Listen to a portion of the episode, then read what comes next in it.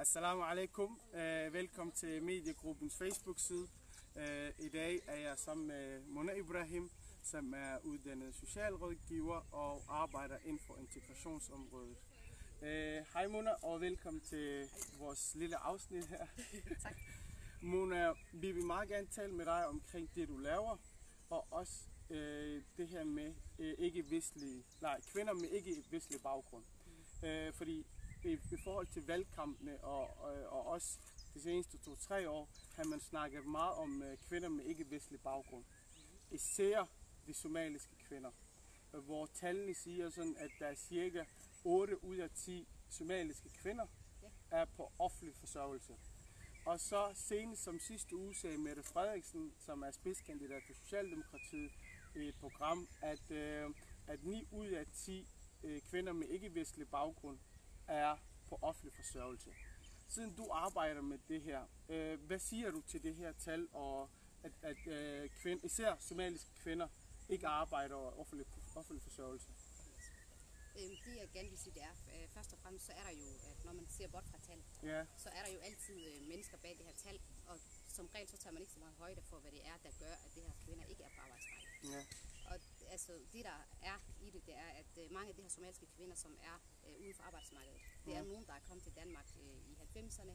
Øh, det har måske, det kom et lidt øh, ældre, øh, eller det var lidt ældre, der kom til Danmark, og Ja. havde måske ikke øh, gået i skole i Somalia, havde ikke så mange, havde ikke øh, kompetencegivende uddannelse med hjemmefra. ja, Øh, derudover, altså udover det, så har det også øh, haft, har været rigtig meget øh, igennem på grund af krigen i Somalia. ja, Øhm, og så er der jo mange af dem, der måske er belastet af det psykiske traume, de har med hjemmefra. Øhm, de kan have fysiske problemer, de kan have psykiske problemer. Så der er rigtig, rigtig mange ting, der gør, at øh, de ikke er på arbejdsmarkedet. Det kan ikke kun være, at de ikke er doven og ikke gider. Men Ja. der kan være rigtig mange øh, grunde til, at de ikke er på arbejdsmarkedet. ja. Det, når jeg hører dig snakke sådan, Ja. så vil der jo mange, der vil sige, det er at påtage sig den her offerrolle. Mm. At man hele tiden, ah, det er så synd for os, det er så synd for os. Hvad siger du til det? Altså, jeg synes ikke, man skal sidde og have ondt af sig selv og tænke, det er synd for mig. Tværtimod. Det her somaliske kvinder, jeg synes heller ikke, at de tager den offerrolle til sig. Mm. Jeg synes, de kæmper sig igennem, og de prøver det, de kan. Øh, Det, det der er i det, det er, øh, som jeg sagde tidligere, så kan der jo være rigtig mange andre ting. Og det er ikke at tage offerrollen, men det er realiteten. Ja. Fordi der er en virkelighed bag det her tal. Og hvad, hvad er den virkelighed? Hvor mange somaliske kvinder vil ikke arbejde, hvis de kunne gøre det? Hvor, hvad med arbejdsmarkedet? Hvor rummeligt er arbejdsmarkedet? Fordi lad os sige, at øh, de her kvinder har øh, det, her problemer, som jeg, som jeg nævnte tidligere. Ja, Og ud over det, så har det, hvad hedder det, så er det, lad os sige, lad os bare tage en case. Der er Ja. to cases. ja, Den ene, det er en somalisk kvinde, hun hedder Faduma, hun er 45 år. Øh, hun har øh, aldrig gået i skole i Somalia, analfabet, og så, kan hun, så, vil hun, så taler hun måske rigtig dårligt dansk, fordi Ja. hun har ikke rigtig lært så meget dansk. Ja. Og det er også svært at lære et nyt sprog, når det er, at man ikke øh, måske kan stå somalisk eller et eller andet. ja, Og så siger vi, at øh, Faduma, hun har så, udover at hun ikke kan sproget øh, og ikke øh, har uddannelse hjemmefra, så har hun også mange psykiske udfordringer. Lad os Mm. sige, at man vurderer ud fra kommunens side, at hun kan arbejde 10 timer om ugen. Ja. Hvilken øh, virksomhed vi tænker, okay, Faduma, hun er en ressource for vores virksomhed, så hende skal vi da lige ansætte. Mm. Fordi der bliver man også nødt til at tænke, okay, hvad, hvor rummeligt er arbejdsmarkedet derude? Og så er der måske Grete, hun, øh, hun har problemer med angst, hun kan ikke arbejde, og hun er bare hun har, social problem, hun har et socialt problem, fordi mm. hun kan ikke arbejde mm. øh, på grund af hendes angst. Mm. Og det, hun er ikke som, selvfølgelig så betegner man hende som en, der er på overførselsindkomst, men mm. ikke så meget som at hun er doven og ikke gider arbejde, fordi hun kommer fra et bestemt land. Mm. Så man bliver nødt til at sådan, tænke, hvad er det, altså hvor mange, er der andre ting, der gør, at det her kvinder ikke er på arbejdsmarkedet? så det du efterspørger, det er nuancer. Ja, præcis. Og, og du nævner også, at måden man omtaler øh, de psykiske ramte danskere Ja.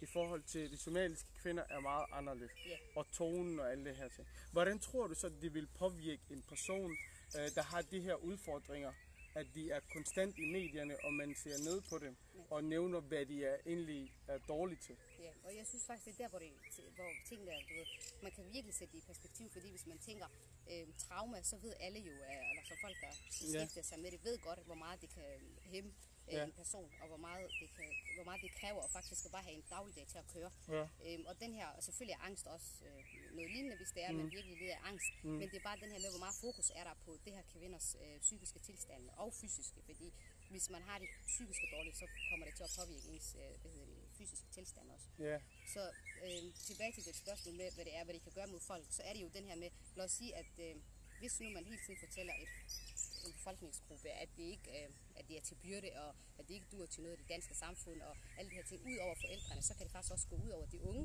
mm. som prøver deres bedste, som er på arbejdsmarkedet, som øh, til dagligt står op til enten uddannelse eller arbejde. Mm. Men hvis du så til dagligt får at vide, ved du hvad, du er ikke god nok, og du er, øh, hvad hedder det, du, øh, du er til belastning for samfundet, og dit og dat, altså, det kan mm. godt påvirke, det kan godt påvirke, hvad hedder det, øh, befolkningsgruppen.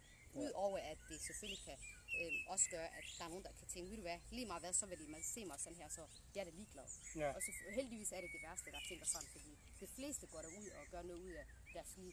Men Ja. det kan godt påvirke folk til at selvfølgelig sådan, have den opfattelse af sig selv, at man faktisk er til byrde for samfundet. Ja. Tit og ofte også hører vi om, at man sammenligner indvandrergrupper. Man siger for eksempel, at Lars Lykke var ude og sige, at han vil hellere have øh, indvandrere fra USA øh, end somalier. Øh, kan man sammenligne de to grupper, for eksempel? Og det er også bare noget andet. Altså, det er noget af det mærkeligste, fordi hvordan kan man sammen... Altså, det er bare tit, ikke ud over amerikanere, så ser jeg jo tit, at man sammenligner det med danskere, Ja, øh, med indvandrere.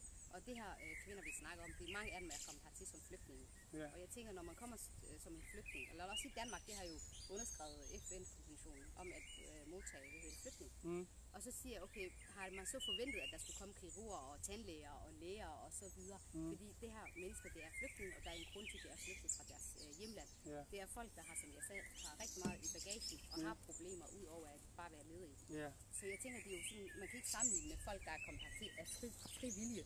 ja, Der er kommet hertil måske for arbejdskraft, eller for at få en uddannelse i Danmark, ja. eller måske familiesamfærd. Altså, det er bare svært at sammenligne, fordi det har ikke samme forudsætninger for livet. Ja, når man også, altså, når man går ind og læser de forskellige tal, der ligger i Danmarks Statistik, og de rapporter, de udarbejder, Ja. de siger ofte, at øh, for eksempel indvandrere fra Tyskland eller Holland er bedre end at eksportere nogen fra Somalia. Mm. Øh, kan man bare komme hertil som somalier, altså sådan som en indvandrer? Nej, det kan man jo ikke. Ja, De fleste er også, altså medmindre man er familiesamført, så er Ja. folk kom- kommet hertil jo på grund af, altså fordi, så, fordi det var flygtninge. ja, Og som jeg sagde tidligere, så kan man jo ikke sammenligne folk, der har haft alle forudsætninger for at klare sig godt i livet. Mm. Øh, med for eksempel uddannelse, altså gratis uddannelse, der har startet allerede, øh, lad os sige, der har boet her måske. Øh, For eksempel tyrker, der Ja. har boet her i rigtig, rigtig mange generationer. ja, Øh, Somalia er kommet her til i 90'erne. ja, Og selvfølgelig, er det, selvfølgelig kan man ikke sammenligne de to, fordi det er Mm. nogen, som jeg sagde, der har haft øh, altså mulighederne for Ja, sig. Og hollænder og hvad hedder det, tysk, altså tyskere og amerikanere, så det kan man jo ikke sammenligne, fordi de, har, altså, det er jo det samme, sam, de kommer fra det samme samfund som øh, Danmark. ja, Og så har de jo også nogenlunde samme kultur, og måske ligner hinanden ja, mere. ja. Så der er jo rigtig mange ting, der spiller øh, rolle. Så hvis du, hvis du er en somalisk kvinde, der skal finde sig et arbejde, hvad er det for nogle udfordringer, står du overfor for eksempel? Altså, personligt, så har jeg ikke... Selvfølgelig er der nogle ting, man skal altid bekæmpe alt det her, man Ja, Fordi bare det med, at når du starter et arbejde, så er der rigtig mange allerede fordomme om somalier, og Ja. så forventer man, at du dig på en bestemt måde, og så videre. Så selvfølgelig ud over det, så synes jeg, at altså, de fleste, de kæmper nok mod alt det her med, at vi ligner ikke de andre, vi har tørklæde på, vi har, altså der er rigtig mange ting. Også det her med, at somaliske kvinder, det er så svært at integrere, fordi jeg tror, det er fleste, fordi de går med tørklæde. ja, Så nogle gange, så skal man også tænke, hvor, hvad, er det, hvad, er, hvad menes der med integrationen? ja, Er det fordi, at de ikke, at de ikke smider tørklædet, eller er det fordi, at de ikke er på arbejdsmarkedet? Ja. Hvad, hvad er det, der gør, at Somalia ikke er så integreret? Altså før i tiden jo, integration handlede om, at man skulle kunne tale dansk, Ja. at man skulle enten, enten have, være i arbejde eller i job, og at man overholder reglerne. I dag jo er den definition jo ikke det samme jo. Nu snakker man om værdier og alle det her ting. Øhm, vil du mene, at de fleste somalier i Danmark er integreret, eller ligesom mange af de her politikere siger, at de, man ikke kan integrere dem? Altså jeg synes, den første det, definition, der har givet integration, det er det, der er integration for mig. Ja, Det er dem her med, at man selvfølgelig øh, skal gøre så meget, som man kan for de samfund, man kommer til. Man skal selvfølgelig bidrage til det danske samfund, man skal arbejde, lære sproget, alle de her ting. Så længe man kan det, så synes jeg, man skal gøre det. ja, Øh, men alt det her ting med, at øh, jamen, Somalia kan aldrig blive danske. Altså, jeg tager ikke den der, Ja. den der kamp om, om man skal være dansk eller ej. Den må andre tage. ja, Fordi jeg har det fint med at være somalier og bo i Danmark. ja, Og bare du ved, passe mit liv og selvfølgelig hvad hedder det, bidrage til det danske samfund så meget, som jeg nu kan. ja, Og jeg ved godt, at de fleste af os er statsborgere og er hvad hedder det, dansk på papiret, Mm. mm. men realiteten er jo noget helt andet. Mm. Mm. Noget er, hvad vi mener, andre er, hvordan du vil, hvordan du vil blive set. Ja. Øh, lige meget hvad. Altså, så der er, der er rigtig mange ting, der gør, at... Øh, Men tror du, al den negative omtale omkring somalier, og især somaliske kvinder, øh, vil få nogle arbejdsgiver til at over, fravælge dem for eksempel, når det skal ansætte nogen. Når du hører i medierne, at, øh, at integrationen af somalier er fejlet, at øh, somaliske kvinder ikke vil have lyst til at ud og arbejde, det vil bare passe børn og alt det her. Tror du, når arbejdsgiverne hører sådan nogle ting, om de er så villige til at ansætte en somalisk kvinde, der har måske udfordringer, eller måske kan arbejde 15 timer om ugen? Altså jeg synes, ud over dem, der ikke kan arbejde, eller dem, der har udfordringer, eller har skånehensyn, Ja. ud over dem, så tror jeg også, det gør det svært for os, der ikke har måske nogle skånehensyn, der Ja. godt kan arbejde. Det her, fordi hvis man hører så meget om Somalia, sådan det er dogne, det kommer ikke til tid. Altså alle de her ting, der er om Somalia, Ja. det kan da godt påvirke en arbejdsgiver og tænke, okay, vil jeg virkelig satse på, hvad hedder det, på i Somalia? Ja. Og det kan gøre, men heldigvis så bliver det bedre og bedre, fordi øh, der hvor jeg arbejder for eksempel, der Ja. var der, jeg startede i 2015, Ja. og der var jeg, øh, jeg var den eneste somalier i opgangen. Ja. Det er sådan 10 etager, det er jobcentret. Ja, Og der, nu er vi hvad? Jeg tror, vi er mindst seks somaliske piger, og Ja. hvis man tæller mændene med, så er vi nok over 10. ja, Så det gør jo også bare, at øh, man kan godt se, at der sker en udvikling, og selvfølgelig skal man også øh, hvad hedder det, gøre noget for, at den udvikling fortsætter. Ja. Vi måske også skal være bedre til at øh, netværke, og være bedre til at måske øh, foreslå hinanden, altså anbefale hinanden til arbejde osv. Ja. Så der er rigtig mange ting, vi selv kan gøre selvfølgelig, men det, selvfølgelig gør det det svært for nogen, hvis det er altså al den omtale, der er. ja. Det jeg tænker på, det er, når du hører, når du hører, går det op? Ja, godt. Øh, når, når du hører for eksempel det her med øh, 9 ud af 10 øh, somaliske kvinder er på offentlig forsørgelse. Øh, det, det lyder jo rigtig meget. Det er jo ligesom 80 procent af somaliske kvinder er på offentlig forsørgelse. Tror du på det tal for eksempel? Tror du på det? Altså selvfølgelig, det er ikke fordi, at jeg siger, at jeg ikke... Jeg, kan jo, jeg ved godt, at der er udfordringer. Ja. Der er nogle udfordringer, og der er rigtig mange, der måske er på, altså uden for arbejdsmarkedet, som skulle være der. Men som jeg sagde til dig tidligere, Ja. så er der rigtig, rigtig mange ting, der gør, at det er det. Så, altså jeg, skulle, jeg skal ikke nægte, at der selvfølgelig er nogen, der kan arbejde, der ikke arbejder. Ja. Og det er selvfølgelig, det er, det er skam, og det er, det er ikke godt, at der er nogen, der kan, som ikke kan, som, Ja. ja. nogen, der kan arbejde, som ikke vil arbejde. Og det er selvfølgelig, hvad hedder det, det er selvfølgelig noget, der gør, at statistikken også kommer højere op. Ja. Men det der er, det er også, at tager man, hvor mange, hvad, hvad tager man højde for i de statistikker? Hvem er dem, der er under uddannelse? Det er jo med mm. dem, der ikke er i arbejde. Ja.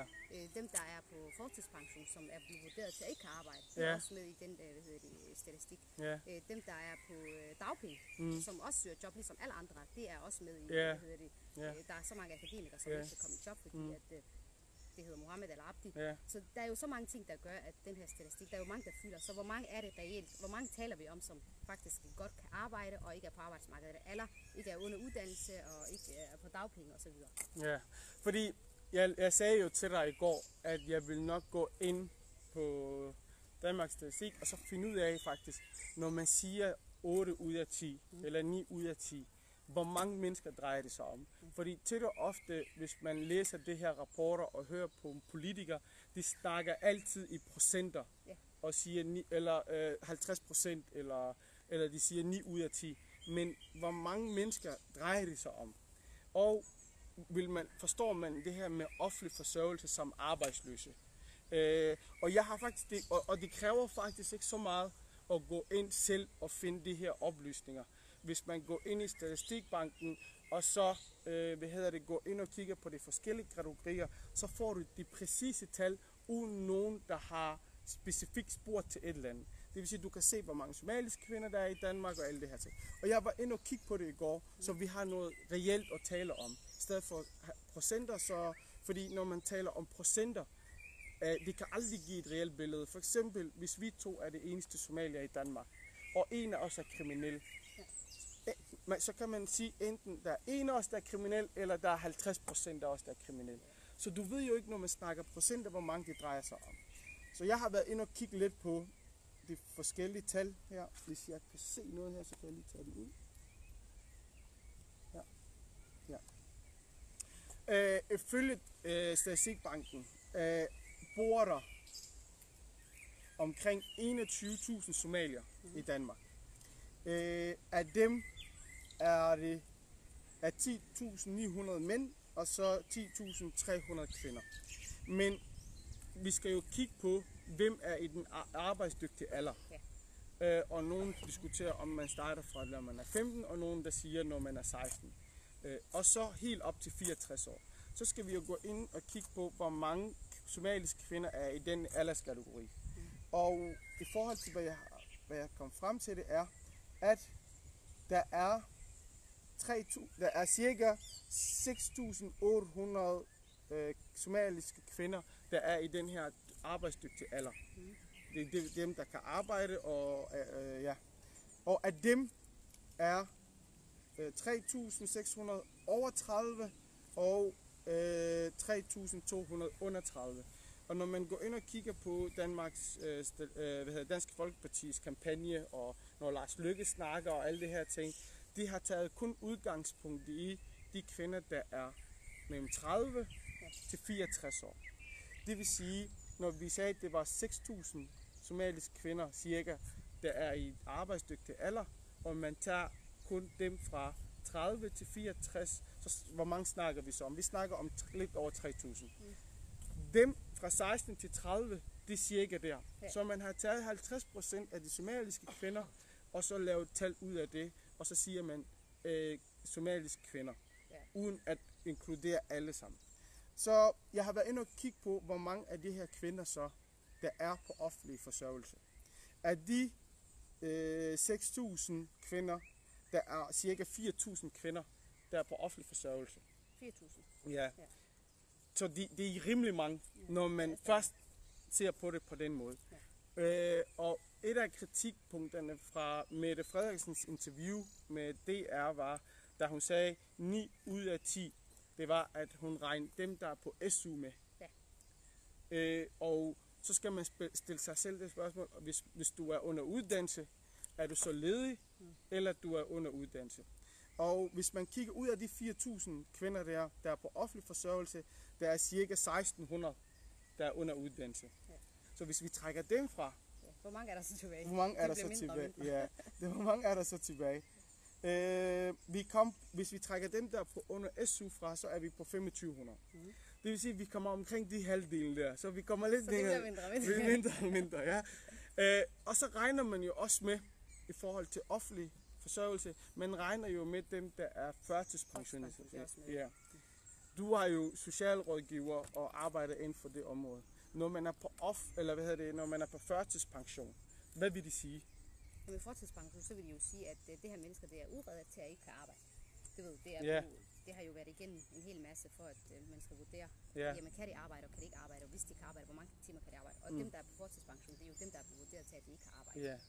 Øh, så Hvem, det er jo med ja. sådan. Det vil sige, hvis man trækker også dem fra, Ja. Så kommer vi længere og længere ned. Og det gør vi rigtig meget, fordi der er mange af de ældre somaliske kvinder, der er på fortidspension. Ja, det, i det er forhold til de tal, der lå, det var omkring 500-600, der var førtidspensionister. Trækker du dem fra, så er der jo tilbage, øh, det er noget, de kalder andre ydelser. Ja. Og det er jo dem, der er under øh, Også, udredning. også. Nej, nej, også under udredning. Ja, også under- Det vil sige, at det er nogen, man ikke ved, om de kan arbejde, eller de kan arbejde. Og dem er der rigtig mange af. Dem kan man så diskutere. Er det, er det fordi, de er rigtig syge, eller er det nogen, der ikke er syge, der ikke vil arbejde? Det, det er en reel diskussion, man kan have. Men når man går ind og kigger på, hvor mange øh, der er Ja, så- arbejdsparat, øh, hvor, kan du forklare, hvad det vil sige at være er arbejdsparat? der nogen, der er, kan man, har man sådan, øh, Tal præcis er der på. tal på aktivitetsparate og Ja, jobparate? det er der. Jeg skal lige finde det til dig. Det bliver lidt nørdet det her, men øh, Ja, vi, det bliver må man nødt til, sige. vi bliver nødt til at have et eller andet konkret at gå ud fra. Uh, jeg kan se. Men det vil sige rigtig meget at se, hvor mange der er jobparate, og hvor mange der er aktivitetsparate. Ja. Ja, du er her.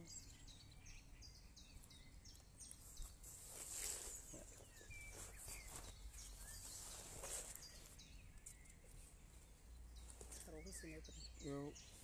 Der står her. Øh, der er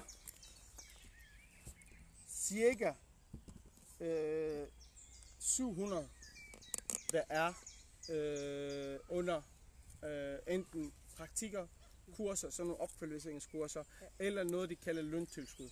Øh, det er sådan noget, man får øh. Ja, når man, øh, ja, når man, øh, det er sådan noget, arbejdsgiverne får ydelse for at have med øh, det. Ja, ja. Så i princippet, når vi trækker alle de ting fra, så kommer vi ned på lidt under de 2.000. Ja, okay.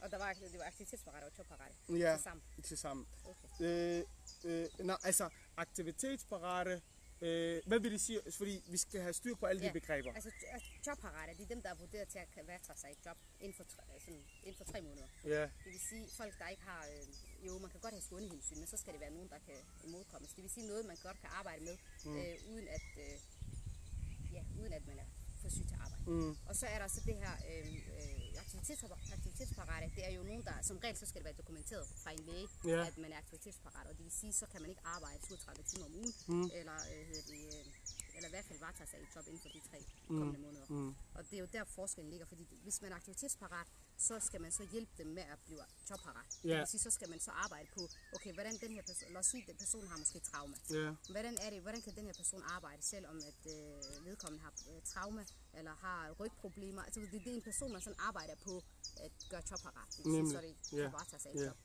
når man, når man trækker alle de ting fra, Ja. øh, så, øh, og kigger på alle somalier så, Mhm. øh, fordi jeg har ikke gået ind og kigget specifikt på kvinder, dem man kalder arbejdsløse, dem der er klar til at arbejde fra i dag af for eksempel, det er omkring de 900. Ja. Så hvis man begynder at sådan kigge på nuancer og finde ud af, hvad er der, hvad er øh, tingene bag alle det her tal, så går man ind og finder ud af faktisk, der er mange ting bag alle de her procenter, de nævner. Mm. Øh, hvad tænker du om det for eksempel? I forhold til de tal, jeg har nævnt, og, øh, og også når man snakker om, hvor reelt set, hvor mange der er jobparate, hvor mange er klar til at tage et job. Ja.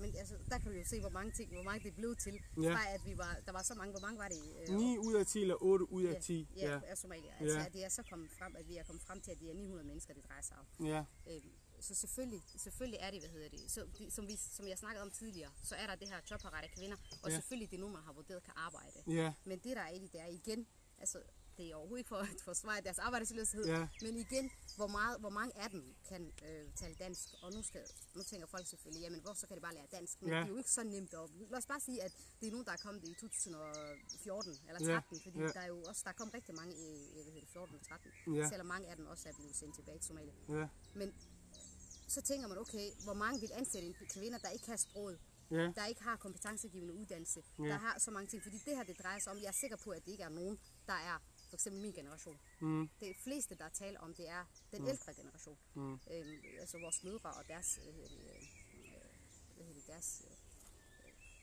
dem, der er på deres alder. Så det, jeg tænker bare, det, der er selvfølgelig, selvfølgelig er der udfordring, og selvfølgelig skal folk, der, er- der ikke kan arbejde, eller du ved, der kan arbejde, gå ud og arbejde, mm. men jeg tænker også bare, det er jo rigtigt, der, du kan jo bare sige, hvor meget det manipulerer med, at der er så mange og så mange somaliske kvinder, mm. der er uden for arbejdsmarkedet, når der er så mange, der er under uddannelse, der er mange, der er på fortidspension, øh, pension, og så er der selvfølgelig også en del, der arbejder. mm, Og så er der selvfølgelig mange, der har taget sig en uddannelse, men er arbejdsløse. ja. Men, men altså, hvorfor tror du så, politikerne er interesseret i at tale problemerne op? Og ikke, øh, for eksempel, øh, jeg har set nogle debatter, hvor man snakker om sundhedssektoren, Ja. hvor der er nogle øh, læger eller sygeplejersker, der laver fejl. Øh, og så snakker man ikke om, man snakker ikke nedladende til dem jo. Man siger ikke, de er dårlige til deres arbejde, men man snakker altid om, at der er ikke nok hænder, Det er menneskelig fejl. det er menneskelig fejl.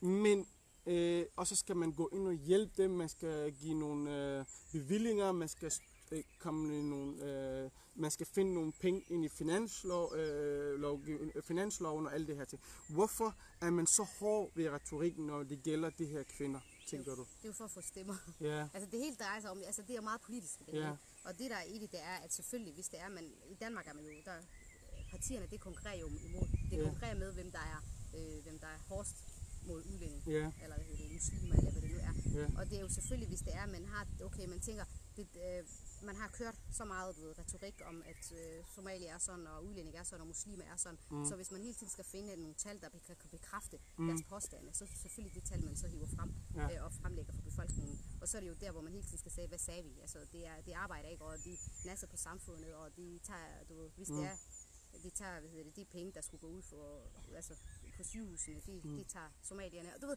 der er jo altid, du ved, det er jo for at finde nogen til at fremme deres politiske, øh, hvad hedder det, Ja. øh, hedder det, propaganda, så bliver det nødt til at bruge nogen jo. Og det er Ja. der, hvor vi så kommer ind, og vi bliver altid brugt, og vi er den, der bliver brugt ja, først. ja. Men det er fordi, når, når jeg hører os to snak, Ja.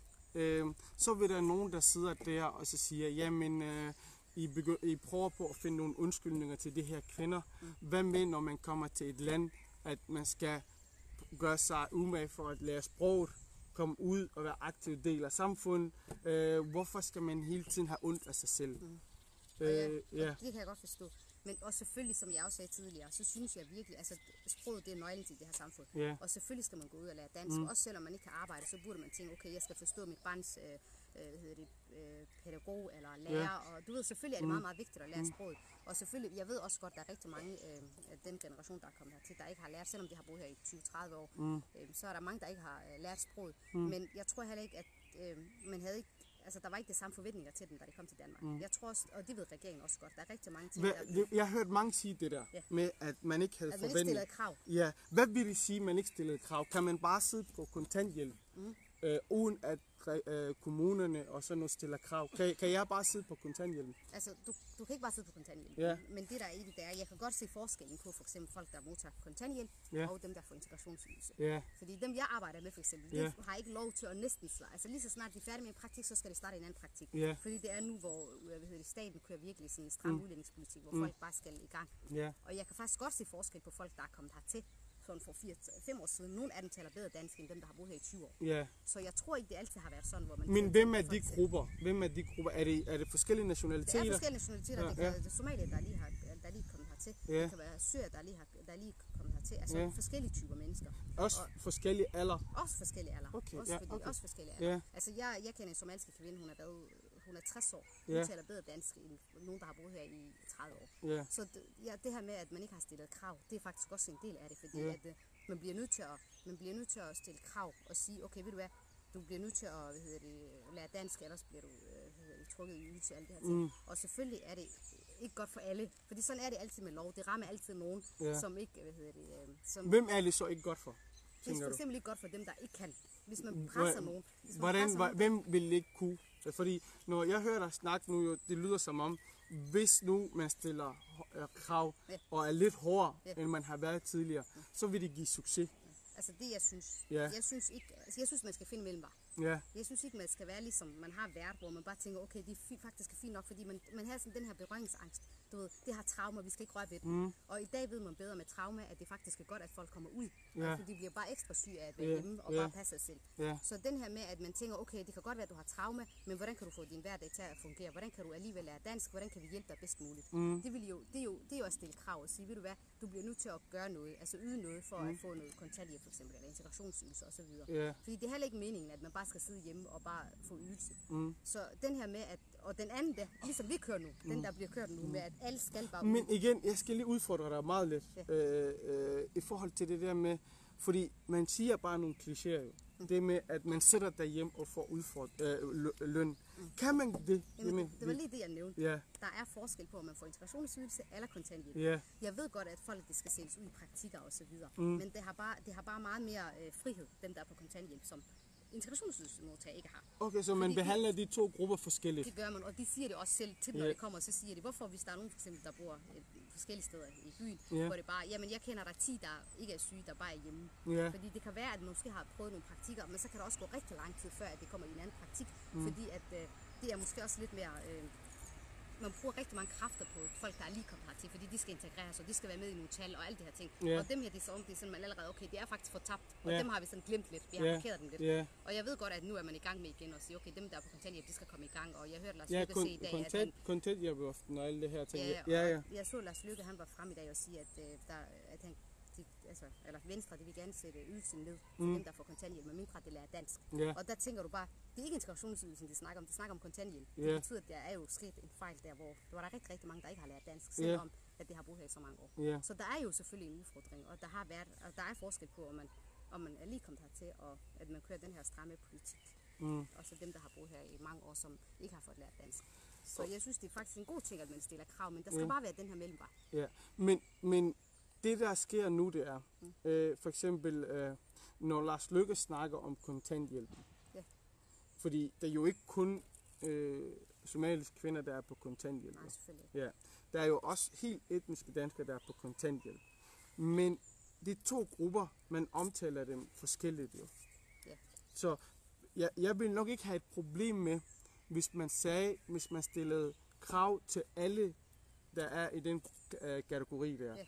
Men den måde, man taler om det, danskerne, der er på kontanthjælp, og den måde, man taler om øh, øh, indvandrere, der er på kontanthjælp, det er to vidt forskellige ting. Jo. Ja, og det er det også. Ja, ja. Men det der er i det, det er også, at øh, fordi rigtig mange gange, når folk bliver sendt ud i praktikker, Mm, og så spørger man, okay, hvorfor har I ikke ansat den her person, så er det jo som regel sådan noget med, at det taler dårligt dansk. ja, Og jeg ved godt, at det ikke kun er det, der gør, at det ikke, fordi der kan være arbejdskultur, og, Mm. altså der, der kan være så mange ting, der gør, at Mm. mm. det ikke får job der, hvor det bliver mm. øh, sendt ud i praktik. Men det kan også godt være, at, øh, fordi tit så hører øh, jobcentrene, okay, det er faktisk øh, fordi, at den her person ikke taler dansk. Så det er der, hvor øh, Lars Lykke så udnytter situationen og siger, okay, ved du hvad, så sætter vi ydelsen ned. Ja. Men mindre, at de så, øh, at de, øh, vi bliver nødt til at sætte ydelsen ned, mindre at de lærer dansk. Ja. Så er det jo der, hvor man skal tænke, okay, jeg har faktisk lært dansk, men jeg har stadig ikke fået job. okay. Øh, øh, en anden ting.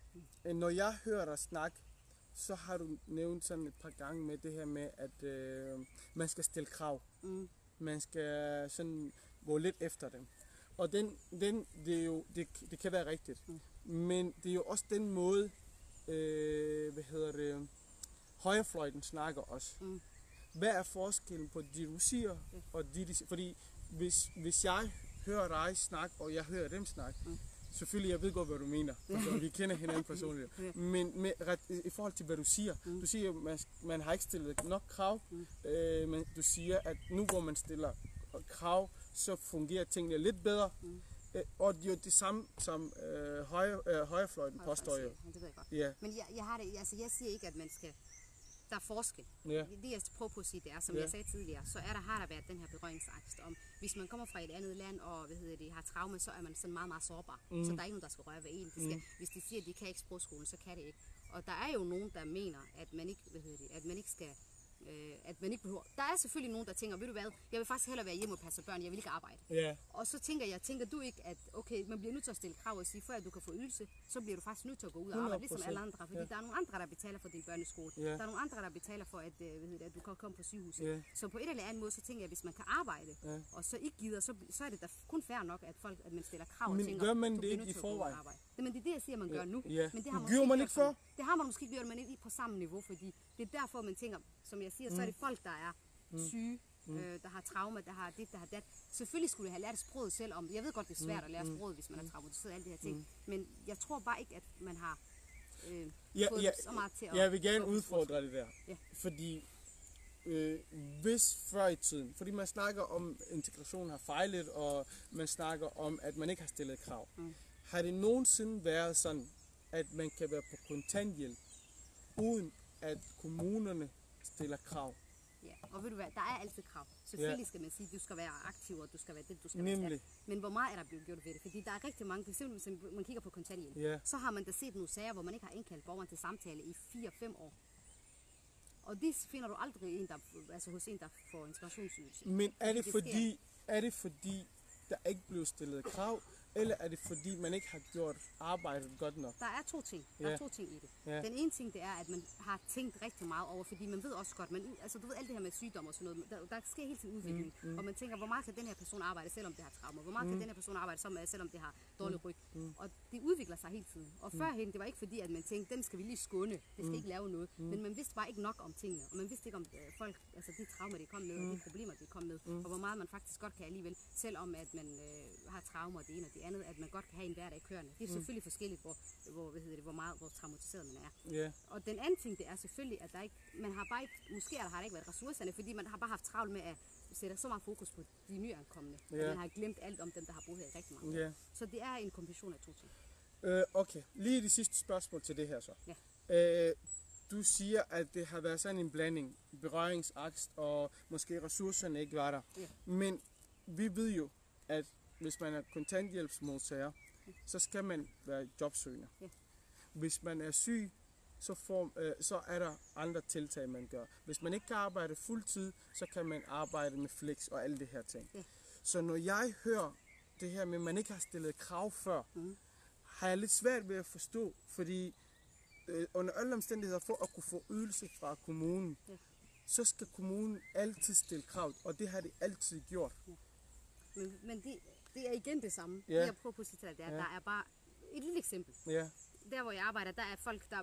Man går rigtig meget op i, at folk skal være jobparate. ja, Og man tænker hele tiden, det skal være jobparate, det skal være jobparate. ja, Vi har dem i første fem år. Det er fordi Ja. integrationsprogrammet er for de første fem år, det er i Danmark. Altså, Ja. Den kan altid blive forlænget i et år, men det er, ja, hvis de er færdige med dansk og er kommet ud, eller hvad hedder det, kommet i job, mm. så er de færdige med deres integrationsprogram det første år. ja, Og så har man så forlænget det til fem år, og så skal man altid forlænge det i et år mere, mm. hvis det er, øh, målene ikke er indfriet. Mm. Og så tænker man, okay, men lige så snart vi, har, vi slipper den, mm. og de så går til kontanthjælp, så er der faktisk rigtig mange, der bliver til aktivitet, aktivitetsparate. Mm. Fordi at de siger, fordi vi får altid at vide, at sproget skal ikke ses som en udfordring. mm, Det skal ikke være en barriere. Mm. Men lige så snart de kommer hos kontanthjælp, så er det en barriere. Mm. Så er det faktisk aktivitetsparate. Så, gælder, så er der nogle andre regler, der gælder for dem, mm. end de der, du ved, ja, øh, vi havde, da, Ja. dengang vi havde, Ja. havde den. Så der kan du se, der er forskel på, om man mm. har boet her rigtig mange år og har fået kontanthjælp, mm. eller man er, øh, fordi man er meget mere efter dem, der er på integrationsydelse. Ja. Og jeg siger ikke, at man skal være efter alle, mm. men jeg tænker, at dem, der kan, mm. og hvad hedder det, godt kan lære sproget og det mm. hele, så synes jeg, der, det synes jeg, det er fair, at man siger, du bliver nødt til at gøre noget for at få det her. Der er så jo øh, en anden holdning til det, du siger jo. Mm. Fordi at tingene fungerer nu, fordi når man snakker, det, det, der er ikke nogen politikere, der vil snakke om det, i forhold til, at integrationen faktisk fungerer. Mm. Der er flere og flere, der er i arbejde. Men det har noget at gøre med konjunkturen. Mm. Om vi er i en højkonjunktur eller, eller lavkonjunktur. Øh, og nu er vi jo i højkonjunktur. Ja. Og det er derfor, at det er nemmere At få at, job nu. at få job nu. Også fordi der er mangel på arbejdspladser. Kan det ikke have noget at gøre med det? Fordi i 2008, der var jo det her finanskrisen, og så har man fyret mange mennesker, og dem man altid fyrer det er jo Ufaglærte. ja, det er ufaglærte, og også øh, dem man altid ansætter, det er dem, der ligner en selv. Og og øh, det, det er jo noget, øh, forskning viser og sådan nogle ting. Så kan det ikke have noget at gøre med, at øh, førhen, i, i nogle perioder, hvor der var lavkonjunktur, og nu hvor der er højkonjunktur, det er derfor, at folk er i arbejde. Og det har ikke noget at gøre med, om man ikke har stillet et krav før, eller om, øh, om man stiller Og krav nu. selvfølgelig, det er, også, det er faktisk en vigtig del af det. Og Ja. det er rigtigt, fordi der er rigtig mange, på et tidspunkt, så var der rigtig meget arbejdsløshed, fordi at der, for eksempel, at der var mm. rigtig mange, der var blevet fyret. Mm. Og selvfølgelig er der også øh, arbejdspladsen. Men det er ikke kun arbejdet, det er også sproget. Ja, Fordi jeg kan godt jeg kan godt sige til dig, at der er nogle af dem, det, det er flygtninge, jeg har, dem, jeg bruger ikke tolke, når jeg snakker med dem. ja, Nogle af dem har boet her to-tre år. ja, Altså, jeg har nogle, der, altså, jeg havde for eksempel to piger, der, den ene, hun er på, hun læser medicin. ja, Hun har været her til tre år. Jeg ved godt, det er nogle unge piger, og det Ja. kan man ikke sammenligne med nogle ældre. Men du ved, de siger også Men også, hvad er det for nogle baggrunde, det kommer med jo? det kommer også selvfølgelig, det, det har det Ja, rigtig mange, der ja. yeah. sagt, men det, der kommer også nogle analfabeter, som Ja. er færdige med sprogskolen, og som jeg faktisk kan snakke med Okay. uden tolk. Ja, Så det her med, at du ved, at presse folk til at måske øh, lære sproget, og mm. få dem til at, du ved, få dem, og ved du hvad, du bliver nødt til at gøre det, fordi nogle gange, det er ikke alle. Der er jo også rigtig mange af dem, der er kommet her øh, i 30, øh, for 30-20 år siden, der kan tale dansk, og der er på arbejdsmarkedet og alle de her ting. Men jeg snakker om den gruppe, som måske har brug for mere skub mm. til at komme i gang. Mm. Hvis man så tænker, okay, så har det økonomiske hvad hedder det, konsekvenser for dig, hvis det er, at du ikke øh, lærer sproget, så synes jeg faktisk, det er fint. okay. Øh, I forhold til nu jo, altså, grund til, at vi tager den her debat, er jo ikke fordi, vi vil gerne sige, der er noget galt med systemet, eller vi Mm, vil have ondt af os selv, Præcis. men vi vil jo gerne have nuancer i tingene, så at man ved, der er to sider af det her. Øh, hvis du nu skal give et råd til den, der ikke har et arbejde, og må- måske finde sig et arbejde, men har nogle udfordringer med øh, kompetencer eller sprog, Ja. hvad kan de gøre? Ja. Altså det, det kan gøre, det er selvfølgelig, hvis man har, øh, hvis man er, man er jo, hvis det er, at man ikke har et job, så er man jo ledig, og så har man sådan muligheder øh, hos kommunen. Ja. Og så ved jeg også godt, at der er rigtig mange ting, man kan spørge om. Man kan spørge om øh, kompetence, hvad hedder det, udviklende øh, hvad hedder det, forløb, hvis det er, man gerne vil det. Mm. Og udover det, så synes jeg rigtig meget, at øh, fordi noget, jeg oplever tit, det er det her med praktikker. Det er bare spild af tid. Mm. Det er bare spild, det er bare gratis arbejdskraft. Mm. Og nogle gange, så kan jeg godt blive enig øh, med den, fordi det kan godt være, at man kommer i nogle praktikker, mm. som overhovedet ikke, altså man hverken får sprog ud af, eller hvad hedder det, eller nogle kompetencer. Mm. Men som regel, så, bliver man, så er man også med til at bestemme, hvad for nogle steder man kan komme hen til. Fordi tit så spørger man folk, okay, hvad vil du arbejde med? Hvad er du god til? Hvad er du dårlig til? Ja. Så hvis man sådan, Kompetenceafklaring. Ja, præcis. Ja. Hvis man er sådan klar over de ting, man gerne vil arbejde med, så vil man som regel også blive imodkommet. Mm. Og ud, altså, det kan godt være, at man ikke får et job første sted, tredje sted, fjerde sted, men du kan også have, så kan man også have noget at skrive på sit CV. Fordi Nemlig, det, ja. det, det, betyder også rigtig meget, Ja. fordi hvis du siger, at jeg har arbejdet med det og det og det, og du så har måske været i praktik tre steder, og så kan det være, at næste gang, så er der fjerde sted, mm. der søger en person med samme kompetencer, som de du har lært. I Ja. Ja, altså arbejde. praktikkerne jo, der er jo en, øh, hvad hedder det, blandet holdning til praktikkerne jo. Ja. Men som du er inde på, det, hvis du ikke har nogen erfaring, og Ja. hvis du ikke har nogen kompetencer, så er det jo en god mulighed for at få sig nogle. Nemlig. Øh, og plus, hvad hedder det, det her med sproget, det er meget, meget vigtigt, at man mm. prøver. Selvfølgelig, jeg ved godt, at øh, nogle gange, hvis man er måske 50-55, så er det lidt svært at starte forfra og lære mm. sproget og det her ting. Mm. Men sproget, det er jo nøglen til arbejdsmarkedet. Mm. Øhm, så jeg tænker praktik, hvis man tilbyder dig løntilskud, så tag imod det. Ja. Fordi der er rigtig mange, der bliver ansat efter løntilskud. Mm. Fordi, og der får du faktisk en løn, ligesom, altså du får det samme løn som mm. dem, der er ansatte. Mm. Men det er bare kommunen, der giver tilskud, indtil det er, at du bliver øh, fast ansat. en fordel også ved praktikkerne er jo, at når du ikke har tidligere været på arbejdsmarkedet, så har du nogle referencepersoner. Nogen man kan kontakte for at finde ud af, hvordan du er som medarbejder, og nogen der også kan anbefale dig Ja. til andre medarbejdere. Præcis. Og måske hvis de mangler en dag en. Så er du måske en af dem, der søger job, og så ved de, hey, Ham har vi haft før. ja, ja, præcis. hvorfor kan vi ikke ansætte det? Ja. Og det er altid dig, der bliver taget. Hvis det er, der bliver en ledig hvad hedder det, stilling, så er det jo den, der er i praktik, man altid kigger på. Mm. Hvis personen gør det rigtig, rigtig godt, så er det den, man tager imod. Mm. Og det er både folk, der er uddannede, og folk, der mm. ikke har en uddannelse. Mm. Så. Øh, kan det have konsekvenser for os somalier, eller faktisk generelt unge somalier, øh, når man hele tiden forbindes med noget negativt i forhold til deres øh, måde at opfatte sig selv på, måden de griber tingene an. Tror du, at det vil måske sådan ikke være, jeg vil ikke sige stolt, men sådan har issues med at være somalier?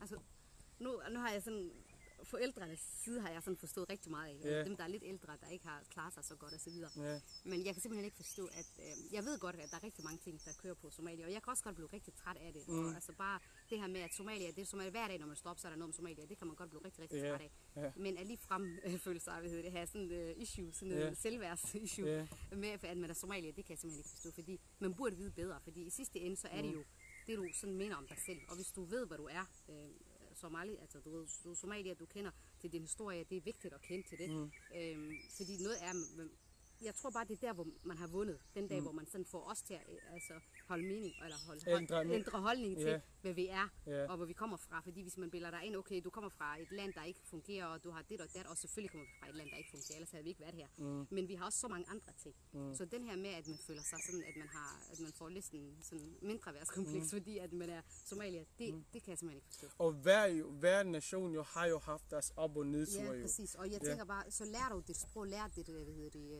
øh, lakankaka, hvad hedder det, alt det her med, der er så mange ting, du kan, mm. du kan lære og sige, okay, det, vi har faktisk kigget på nogle gamle videoer, hvor du Ja. tænker, Somalia har været noget. Ja. Du ved, lige nu kan det godt være, at vi har vores egne problemer, men det Ja. går alle... Men bliver man stærkere af at læse sin egen historie, mener du? Det gør man, Ja. fordi så ved du også, hvor du kommer fra. Fordi hvis du tænker, okay, jeg er faktisk, øh, hvad hedder det, jeg har ingen historie. Mm. Så altså, hvis du, bare fordi du ikke ved det, fordi jeg har også snakket med rigtig mange, der siger, jamen vi har jo ikke nogen somalier, vi har prøv lige at nævne nationalret, prøv lige at nævne nationalsang, du ved alt det her ting, hvor jeg bare tænker, det er dit ansvar at lære det, fordi hvis du kan lære Søren Kierkegaard hos Andersen, og så kan du også godt lære Hadraoui og nogle andre ting. Så den her med, at det, Ja. det, det er vores eget ansvar. Men altså, jeg har også lagt mærke til for eksempel, øh, noget man gør ved Somalia, som man ikke gør ved andre nationaliteter, det er, at man nævner, at de er somalier i avisartiklerne. For eksempel, du møder aldrig nogen, der siger, vietnameser øh, har gjort det og det. Eller for eksempel andre nationaliteter, men somalier, man nævner dem ved først at være somalier. For eksempel det her med øh, somaliske kvinder. Mm. Du har jo ikke hørt andre, det er andre kvinder, når man omtaler dem, man siger kvinder med ikke-vestlig baggrund. Ja, Sådan at når man sorterer en gruppe på den her måde, så kan det jo have konsekvenser af, hvordan nogen af dem, jeg vil, jeg, jeg vil heller ikke påstå, at der er mange somalier, der sætter med det her. Jeg tror, somalier er Altså, lidt det, for det stolte. vil i hvert fald være forfærdeligt, Ja, fordi ja. vores ældre generation, det, Ja. jeg tror ikke, de sidder med det selv, om det er faktisk den, man omtaler hele tiden. Ja. Men dem, der klarer sig godt, det er jo dem, der faktisk også bare prøver på, og så måske tænke, okay, det er faktisk ikke så godt at være somalier og så videre, fordi i sidste ende, så er det faktisk vores ansvar, fordi når du kommer på et arbejdsplads, hvis du er den første somalier, så vis dem, at somalier faktisk, Ja. at alle de her fordomme, det er der, der kan bryde alle de her Ja, fordomme, fordi ja.